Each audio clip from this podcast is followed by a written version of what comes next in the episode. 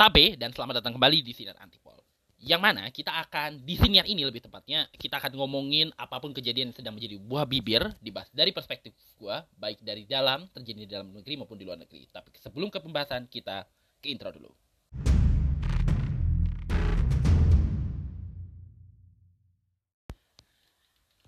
Antipol kembali uh, ngomongin tentang uh, serangan terbaru uh, masih soal Gaza sih sebenarnya gejolak Gaza yang sekarang ini eskalasinya ini makin gila-gilaan sih. Uh, yang mana uh, sebetulnya ini kan gue kemarin sempat ngomong ya di episode menanti Nabi Isa turun yang mana gue ngebahas soal uh, Nabi Isa yang tiba-tiba jadi trending topik gara-gara gejolak Gaza ini yang mana nanti gue akan bahas dikit-dikit uh, di mana serangan ini tuh udah berulang. Peristiwa di Gaza ini udah berulang banget invasi Gaza ini ya. Uh, gejolak yang menimbulkan invasi di Gaza itu udah berulang berulang kali. Sepanjang hidup gue tuh dari 2006 2009 2012 tiga tahun tiga tahun ya. Terus 2014 2000 2017 gue nggak tahu apakah ada serangan lagi kah. Tapi waktu itu 2017 tuh di gue tuh yang terdengar kayak 2017 ada lagi deh setahu gue tapi yang paling banyak kedengar sama gue sih sebenarnya isu Rohingya waktu itu. Uh, terusnya 2021 uh, gue nggak tahu 2018 2019 uh, waktu itu uh, karena 2018 sampai setidaknya 2021 itu kan Abraham Accord ya, ada perjanjian Abraham Accord kan yang di mana beberapa negara yang sebelum ini bisa dibilang uh, cukup mendukung uh, kontra Israel mulai melunak Israel gitu kurang lebihnya. Uh, terusnya 2000 termasuk 2023 ini uh, serangan di Gaza ya. Yang mana ini udah berulang lah gitu ya penyebabnya pasti karena serangan dari Al-Qassam terus kemudiannya Israel melakukan serangan membabi buta gitu ya yang mana korbannya selalu yang paling banyak tuh dari kalangan ibu dan anak gitu ya. Dan ini pun juga paling banyak ibu dan anak juga. Perempuan dan anak itu juga jadi korban yang serangan kali ini juga. Bahkan udah sampai di level di mana serangannya itu bahkan udah menargetkan rumah sakit. Uh, gue gue kan follow Al Jazeera gue juga uh, beberapa video Palestina juga ada yang masuk di lini masa Instagram gue itu ada sebuah rumah sakit rumah sakit yang punya rumah sakit Kristen itu dibom padahal di situ ada seribuan orang. Ada seribuan orang. Dan yang meninggal sekitaran lima ratusan lima ratusan lebih yang meninggal. Terus ada gereja pula kemarin tuh di bom juga. Tempat-tempat yang ya gue nggak tahu apakah saking besarnya uh, intervensi militer kali ini pemicu konfliknya kali ini uh, tapi dari apa yang gue baca tweet sih mungkin karena saking besarnya ya jadi serangannya pun udah menarget uh, beberapa pihak gitu. Dan gila-gilaan gitu. Dengan alasan tentu dengan alasan untuk uh, mengcounter dan balasan yang apa sih namanya balasan yang setimpal lah gitu istilahnya gitu ya. Penghakiman setimpal terhadap serangan uh, Hamas yang mereka kategorikan sebagai kelompok teroris. Bahkan beberapa negara Barat juga mengkategorikan mengklasifikasi Hamas sebagai teroris. Makanya kayak Prancis salah satunya itu kan melarang demo anti Palestina uh, pro Palestina kan bela Palestina kan asli bela Palestina.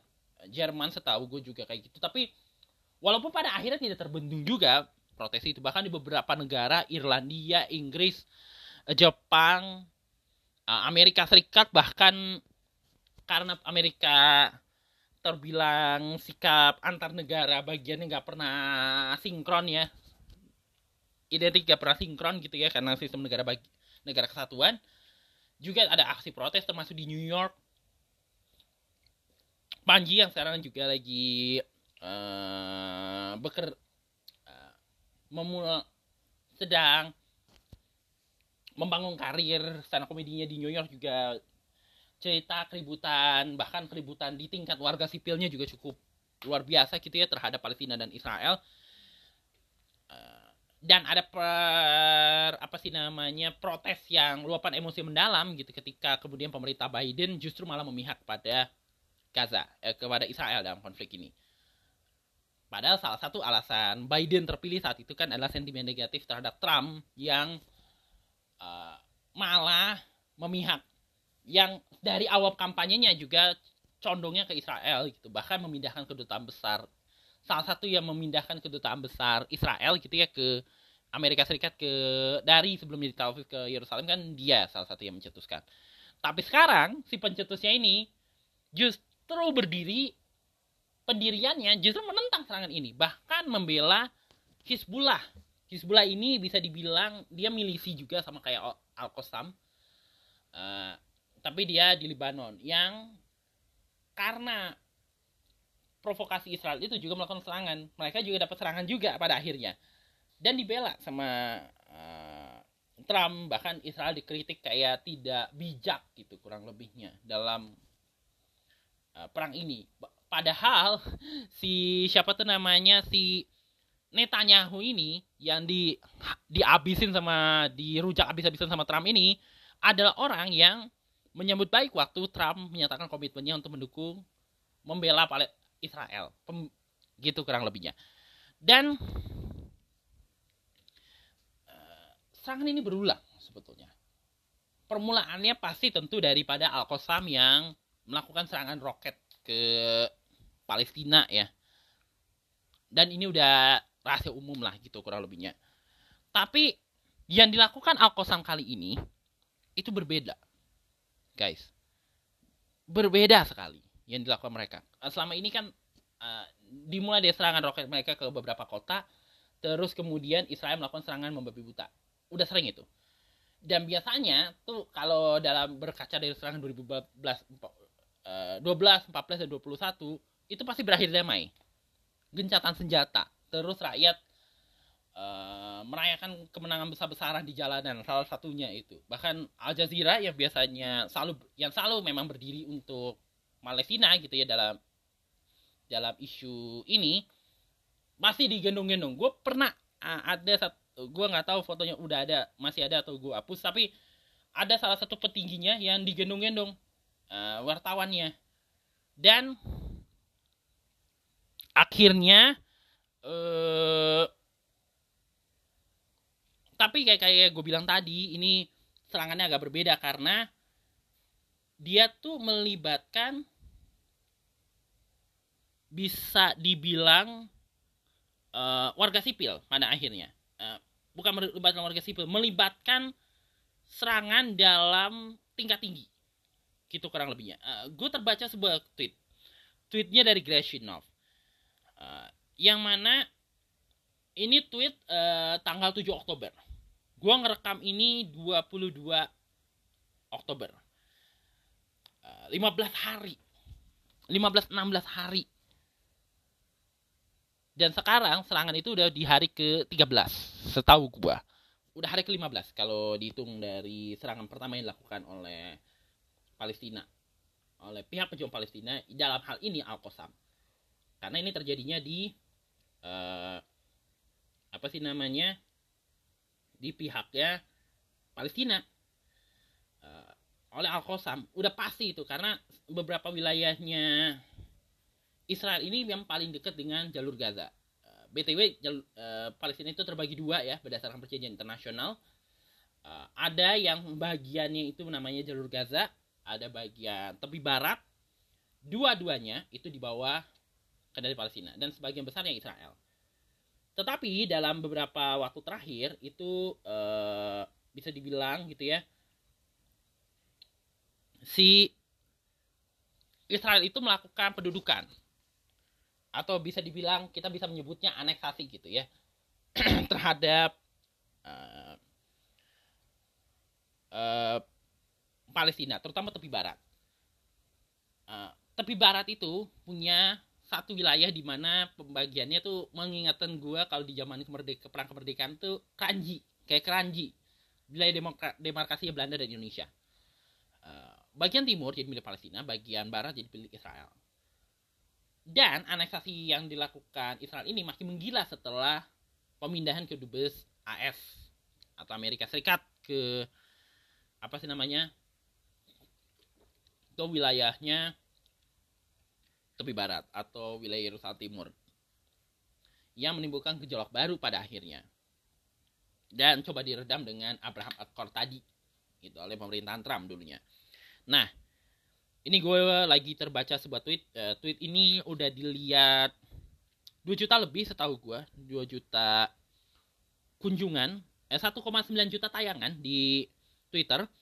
Palestina sama, sama Israel lagi kenapa sih konflik masih berlangsung hingga sekarang dan banyak korban yang berjatuhan. Perang kali ini dalam tanda kutip berbeda karena Palestina mengelayangkan dalam tanda kutip pukulan keras dan berhasil menguasai beberapa wilayah Israel. Jadi kalau Israel biasanya tuh melakukan aneksasi gitu kurang lebihnya ya ke wilayah tepi barat, kali ini mereka membalas tindakan aneksasi ini dengan pendekatan yang berbeda.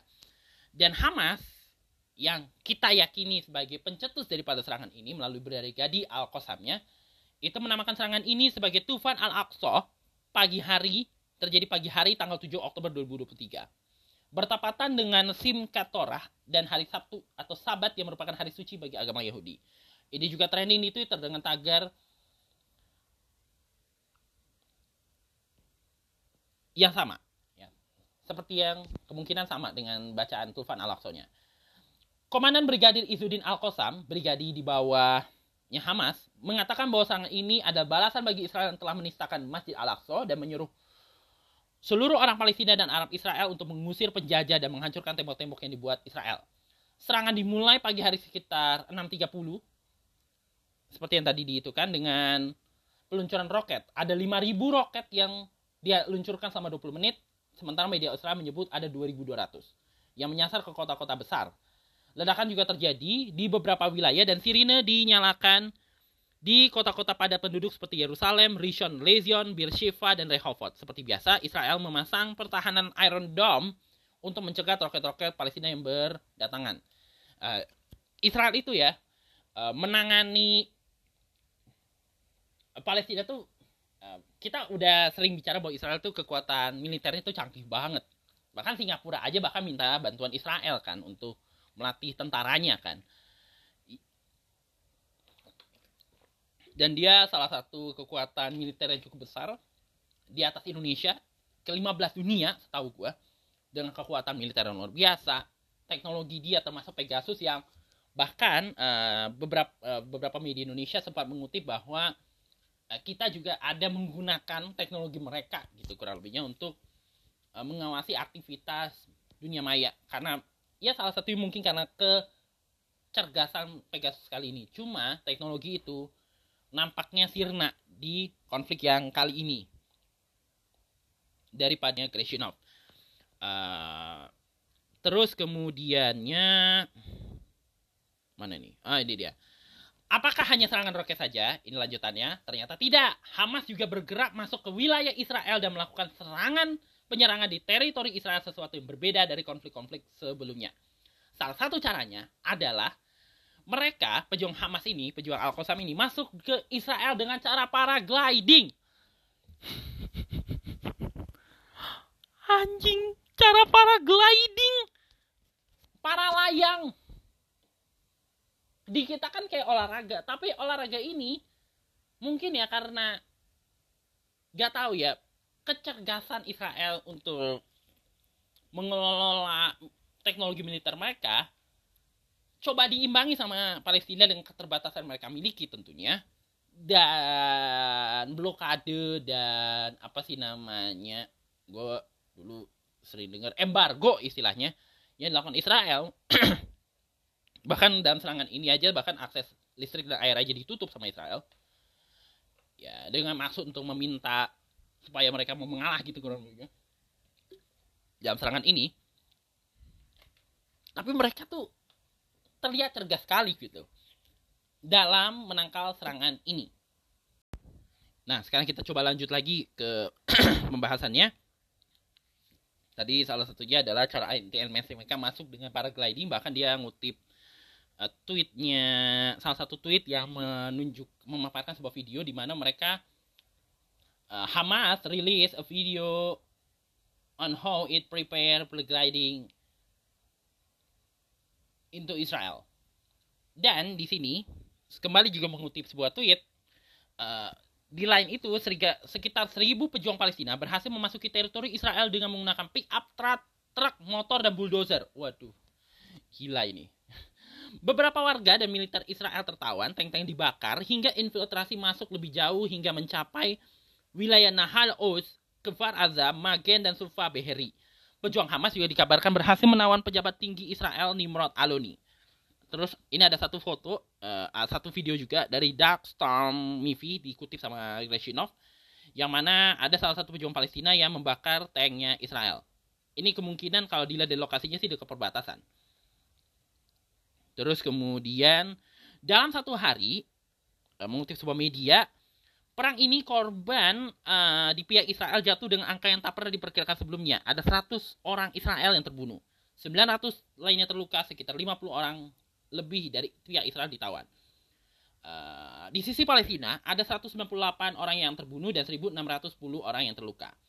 Presiden Mahmud Abbas memberikan pernyataan warga Palestina juga berhak membela diri dari teror penjajah sebagai balasan bagi Israel yang mengatakan mereka membela diri dari serangan teror.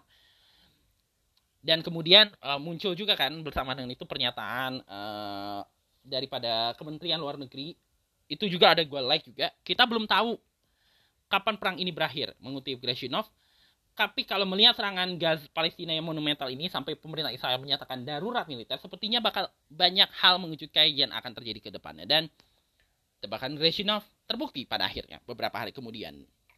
Dan sampai sekarang eh, kejutan yang dibilang Greshinov ini terus berlangsung.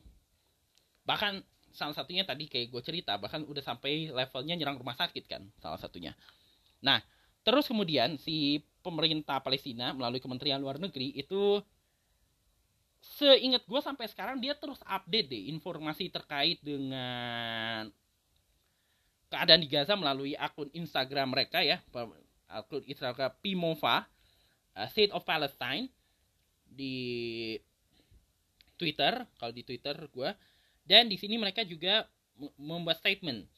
Yang mana intinya uh, kemungkinan besar sama dengan pernyataannya Mahmud Abbas tadi ya.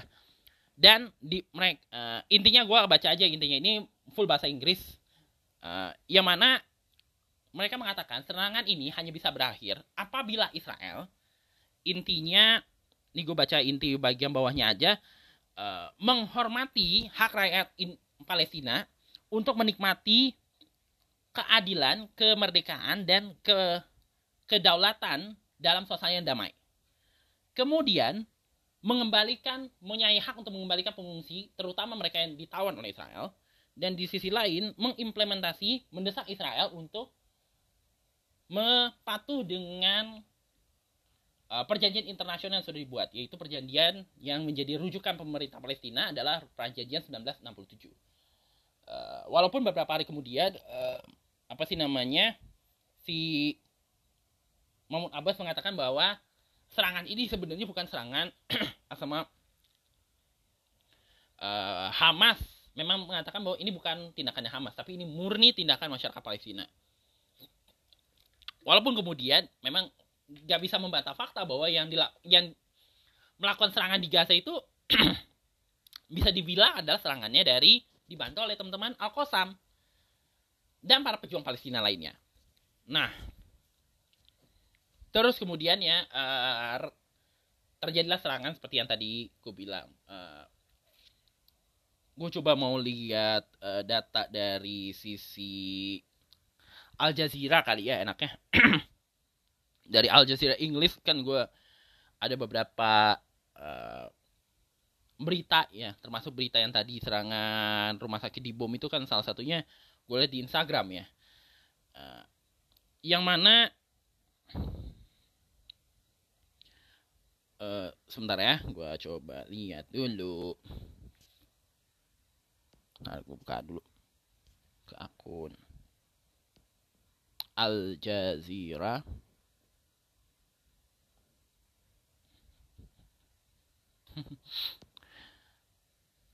gue selalu update soal uh, korban tuh dari sini salah satunya. Terutama kalau misalnya dia lewat lini masa gue ya, terutama.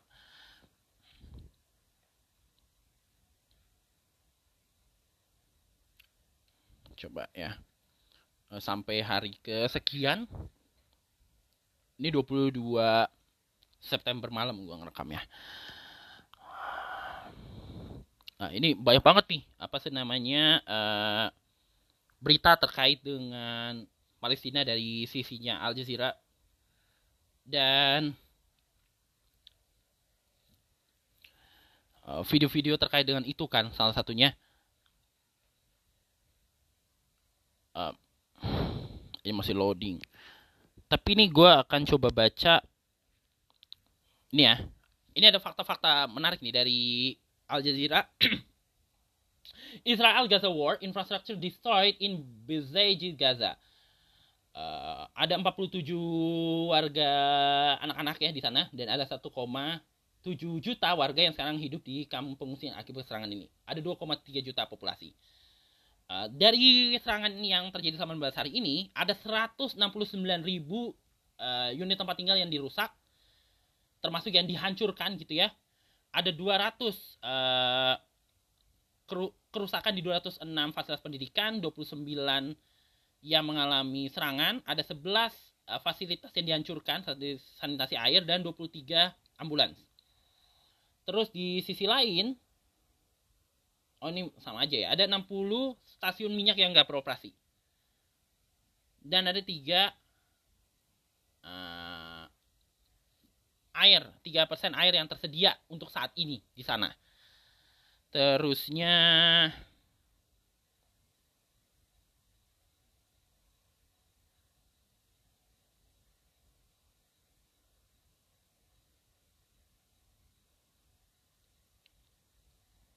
Sampai hari ini dari pihak Israel meninggal 1405, yang terluka 5132. Uh, yang hilang ada 210 dibawa oleh pihak Hamas. Dari Palestina di Gaza itu ada 4.651 yang meninggal. Uh, termasuk 11 jurnalis yang terbunuh. Terus ada yang hilang itu eh yang terluka 14.255 dan ada 1.400 yang hilang. Uh, terus dari Al Jazeera juga ada menulis satu laporan ini cukup menarik. After days of warnings, Al Gaza Al-Quds Hospital faced the dread of possible bombarding at any moment maksudnya adalah Al-Quds mungkin akan dibombardir juga dalam eh, dalam bila-bila masa. Uh, kata media dari uh, bulan sabit merah Palestina kepada Al Jazeera. Terusnya Hamas leader Ismail Haniyeh and Iranian Foreign Minister Hossein Amir Abdurrahman discuss mean the stopping Israel brutal crimes. Hamas say it and statement. The United States warns the is prepare a retaliate it the if its troops are targeted in, in the course of Israel-Hamas war in the possibility of the conflict spread, spreading across the Middle East rise. At least 200, uh, ada 266 orang Palestina meninggal dalam serangan dalam 24 jam terakhir termasuk di Jabalia. ada 4000 ini udah sempat dibahas ya. Di sisi lain, pemimpin Kanada, Prancis, Jerman, Italia, UK dan US uh, eh, ya pendirian mereka masih tetap sama gitu kurang lebihnya ya terkait dengan Pales terkait dengan Israel gitu ya.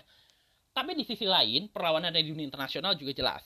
Uh, protes di mana-mana di beberapa negara ya. Bahkan di negara-negara yang menyatakan pro terhadap Israel pun juga protes terjadi di Amerika Serikat, di Jerman, di Italia, di Ireland bahkan gue di Twitter lihat ada beberapa foto yang menggambarkan protes gitu ya. Termasuk juga di kita juga ada di beberapa kalangan selebritas dan pekerja seni juga ada foto-foto uh, dukungan yang mengalir gitu ya uh, bahkan ini yang menarik Justin Bieber itu ada sempat terposting sebuah foto foto itu tulisannya adalah support the Israel tapi yang menarik ada satu sisi menariknya support the Israel tapi gambar yang digunakan adalah gambar kehancuran di Gaza. Nah, itu yang kemudian jadi rame gitu. Kayak kelihatannya si siapa sih namanya? Uh, Justin Bieber tuh terlihat berdiri di dua sisi. Ada uh, simpati terhadap fans Israel gitu ya terkait dengan serangan ini tapi juga ada pendirian terhadap Palestina juga gitu kurang lebihnya. Uh, Bella Hadis udah pernah gue bahas ya di sini hari ini juga. Dia kan orang Palestina tentu dia akan pro ke Palestina. Terusnya bahkan Panji Pragiwaksono yang sekarang lagi membangkar di Amerika Serikat sempat cerita di twitternya yang di mana uh, keributan saat ini di Gaza tuh udah membelah masyarakat uh, Amerika Serikat gitu ke dalam dua kelompok ada yang pro Palestina ada yang pro Israel termasuk di open mic itu gila menurut gue terusnya nah ini yang cukup menarik uh, si Terus ada reaksi juga dari salah satu bintang bola dunia. Yang menurut gue cukup filosofi sih pernyataannya. Uh, ada salah satu bintang bola dunia namanya Eric Cantona. Dia tuh ada uh, nulis sebuah tweet. Uh, tweetnya gue ada uh, dikutip oleh salah satu akun bola juga. Uh, yang mana uh, beberapa netizen kita dan netizen global juga ada yang uh, mengutip tweetnya dia terkait dengan Palestina dan menurut gue cukup menarik juga sih menur tapi penilaian gue menarik aja gitu dari sisi gue uh, karena juga banyak juga fans-fans bola internasional yang menyatakan pendirian terhadap kita tahu Starbucks uh, disebut salah satu yang banyak menyumbang juga ke Israel.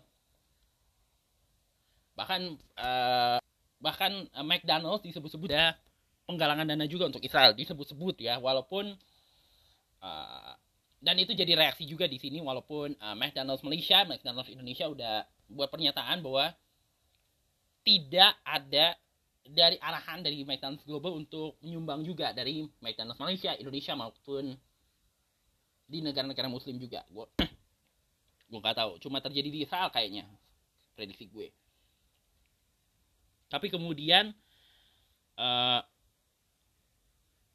ini gue coba cari ya tweetnya si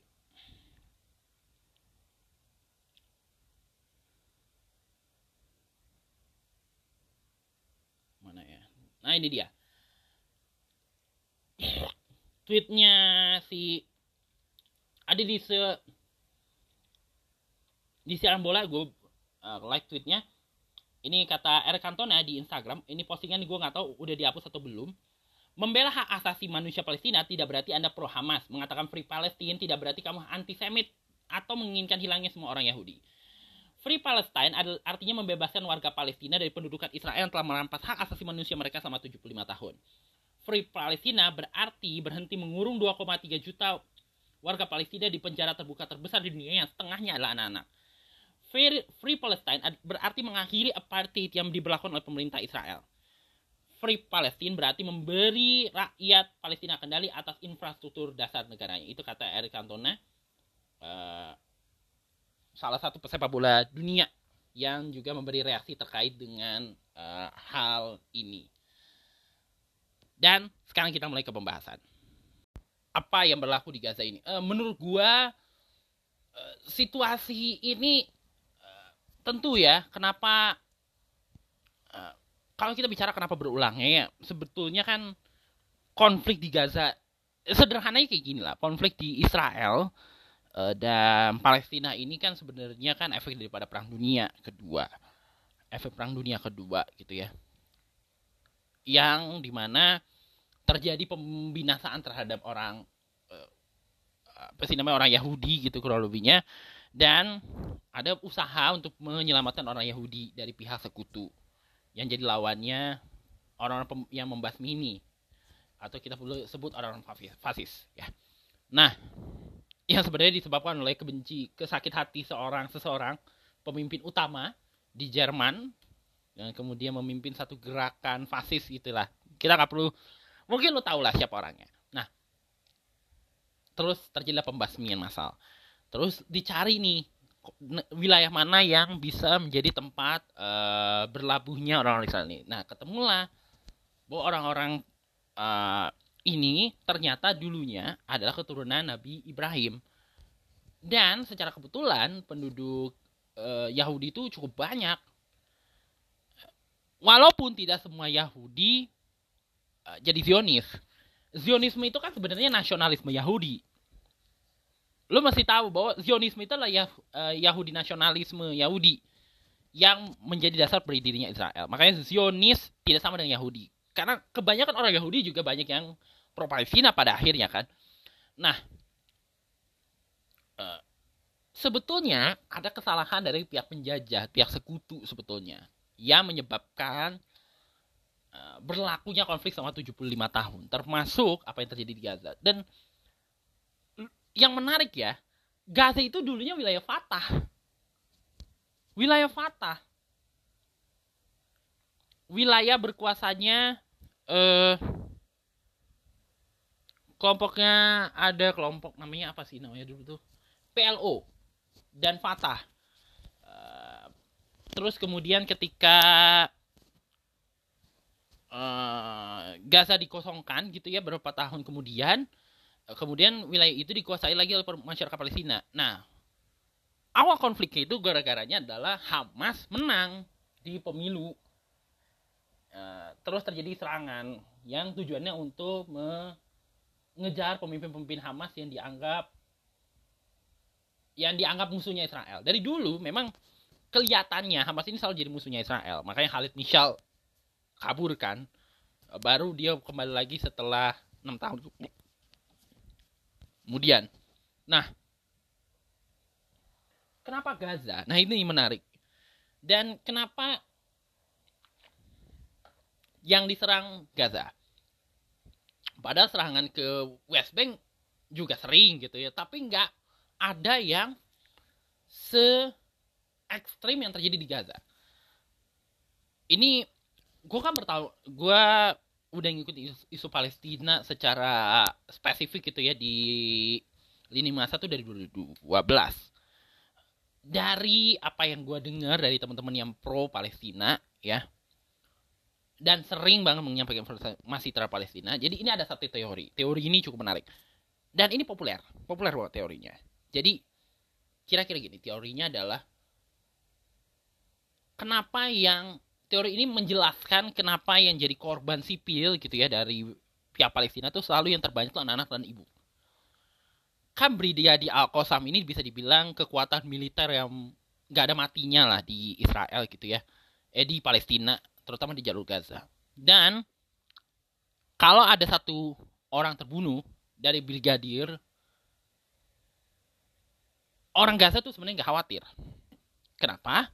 Penduduk Gaza juga khawatir karena setiap satu orang terbunuh akan ada 100 orang lagi yang mungkin akan berusaha mendengar kematiannya akan mengatakan satu hari nanti aku akan seperti dia dengan keberaniannya.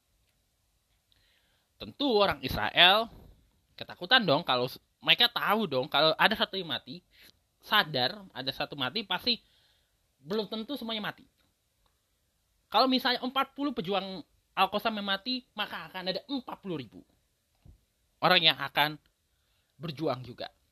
Mungkin jadi penerusnya. Baik itu di kalangan remaja dan anak-anak. Makanya kelihatannya serangan ini memang ditarget ya sebenarnya tapi kan pada akhirnya juga tidak membuat mereka luntur kan pada akhirnya. Dan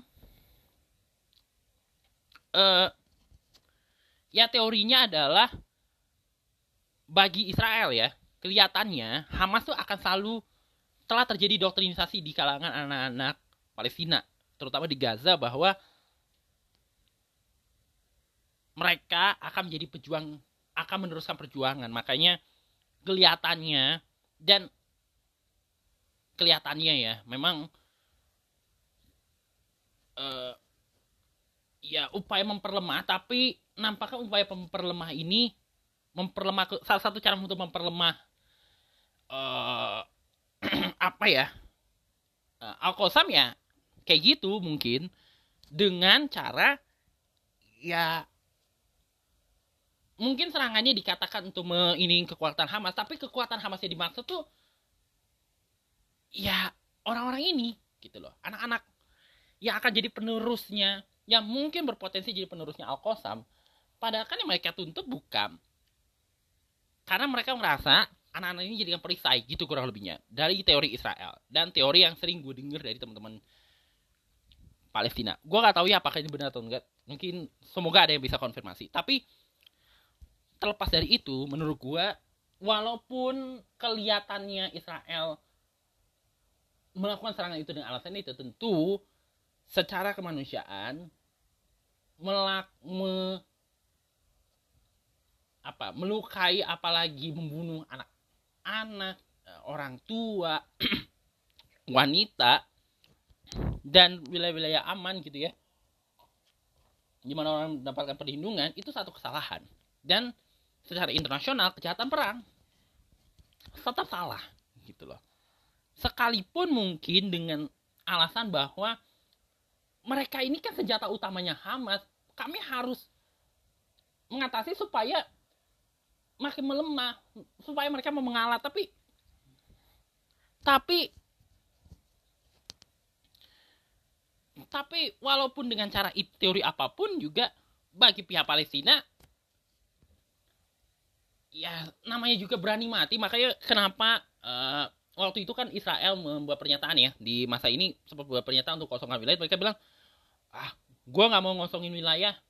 Gue ini tanah air gue ini tempat gue lahir gue akan pertahankan dengan segala cara mati pun gue yang penting gue mati syahid gitu kan. Makanya dulu ada seorang anggota DPR gitu ya datang ke sana kunjungan ke Gaza dan mereka bilang kami mereka kaget karena ada orang Palestina datang ke masjid nggak wudhu sedangkan mereka kan wudhu kan memang rukun. Soalnya kan salah satunya wudhu kan sholat sah kan. Tapi mereka bilang kami niatkan mempertah karena bagi kami mempertahankan tanah air kami adalah bagian dari ibadah.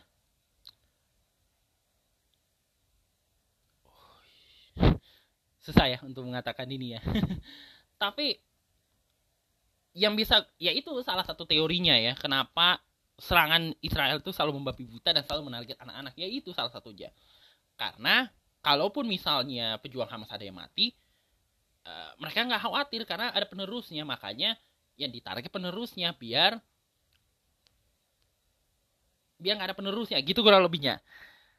Tapi ya tetap salah juga gitu. Di sisi lain juga tetap salah.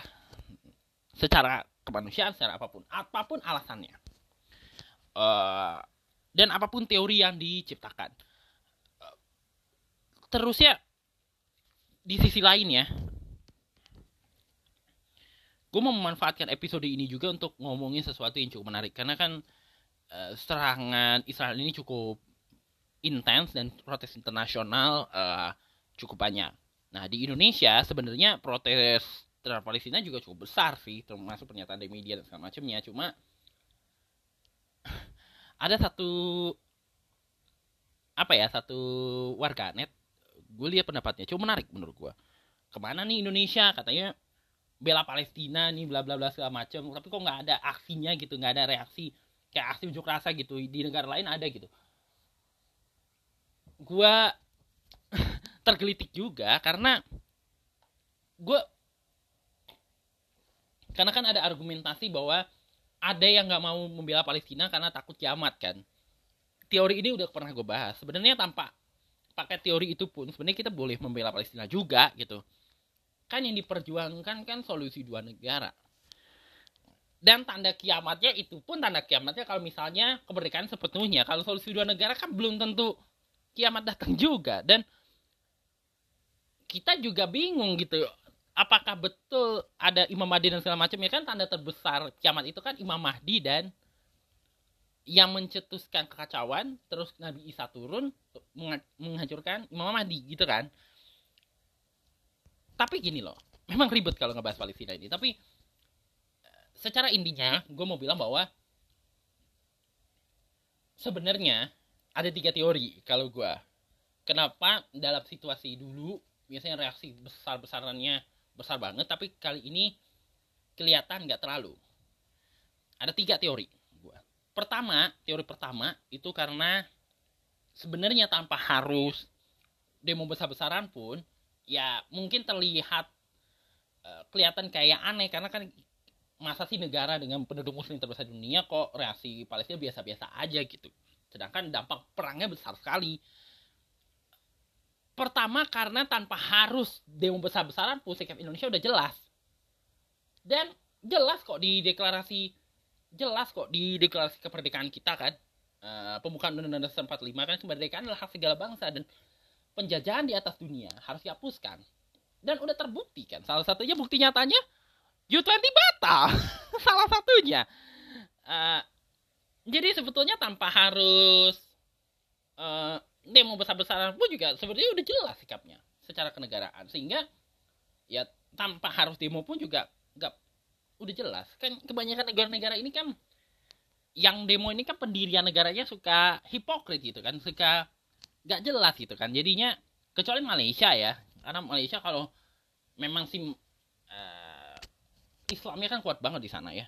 Kita juga Islamnya kuat cuma menurut gua ya karena sikap kita udah jelas aja bahkan di konstitusi kita jelas kan kemerdekaan lah hak segala bangsa uh, itu teori pertama teori kedua gua adalah uh, karena kekuatan-kekuatan utama yang biasanya menyuarakan isu Palestinanya udah uh, udah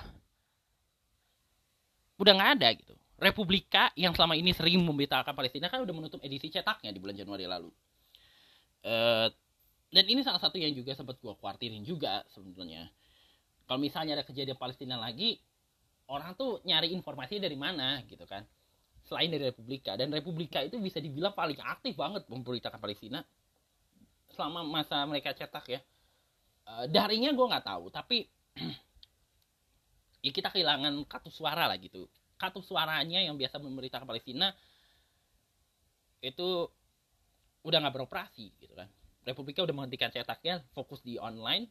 Itu pun juga dengan sekarang pemiliknya kan kayak bahkan jangankan kekuatannya lah kekuatan republikannya uang pemimpin redaksinya sekarang jadi direktur LKBN Antara ya kan? Uh, termasuk juga ACT ACT kan paling getol itu kan suarain soal Suria Palestina. Iya kan? Uh, tapi sekarang di bulan Juni kemarin kan ditutup sekarang si eh, ACT setelah ketahuan pemilik pemimpin lamanya melakukan penyalahgunaan dana dan terungkap di investigasi. Dan yang ketiga, nah ini yang menarik menurut gua. Kenapa uh, teorinya kenapa Palestina kita kayak jarang banget gitu ya uh, kelihatan keberpihakan dengan Palestina karena ya karena kita lagi masuk tahun politik mungkin uh, ada ada keinginan ke arah situ ya untuk menyuarakan isu Palestina tapi ada kekhawatiran mungkin ada politisasi sehingga nanti ditafsirkannya salah. Walaupun tanpa politisasi pun semua juga pendirian sama menurut gua uh, terhadap Palestina. Semua yang ada baik di koalisi perubahan di koalisi Indonesia unggul PDIP dan P3 juga di koalisi Indonesia maju juga pendirian sama semua terhadap Palestina. Ya kan?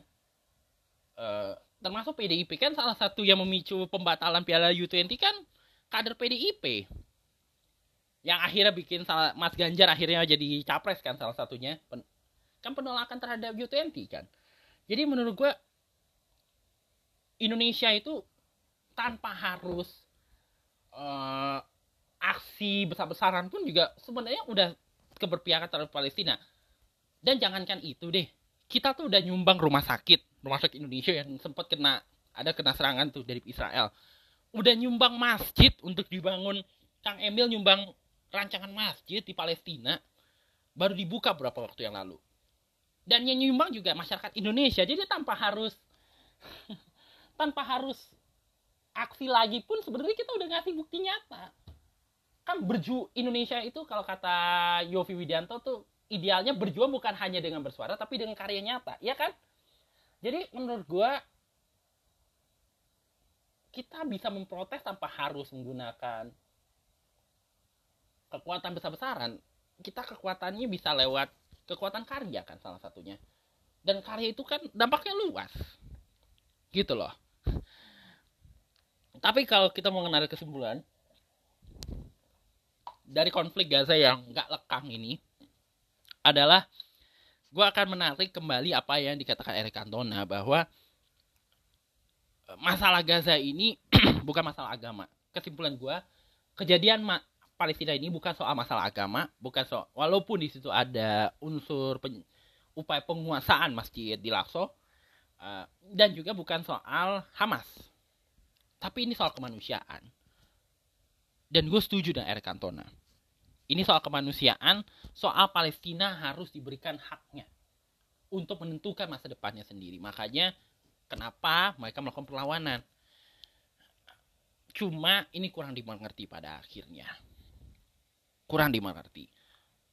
Ya kita mendoakan aja seperti biasa kita mendoakan semoga saudara-saudara kita di Palestina diberikan kekuatan menghadapi ujian yang maha dahsyat dan tekanan maha dahsyat ini. Yang meninggal kita doakan supaya diterima amal ibadahnya. Dan para pemimpin-pemimpin ini kita ketuk pintu hatinya seluruh dunia.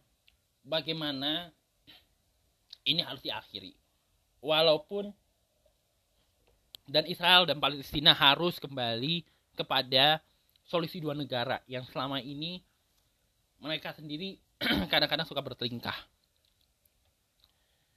Ya yang ber, semua ini berakhir kalau Israel sadar seperti yang digariskan di pernyataan terakhirnya pemerintah Palestina kan? Menjaga perdamaian memberi jaminan kebebasan rakyat Palestina untuk menentukan kemerdekaannya mengembalikan pengungsi dan ikut pada perjanjian internasional. Udah itu. Itu kesimpulan paling pas lah terkait dengan masalah Gaza ini.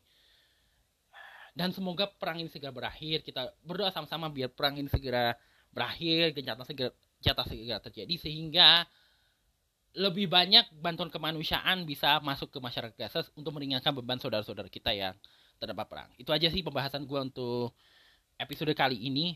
Uh, semoga ada manfaatnya. Kalau ada yang kurang, mohon dimaafkan gitu ya karena ini gue bicara dari perspektif gue belum tentu nggak semuanya mungkin ada kekeliruan ya.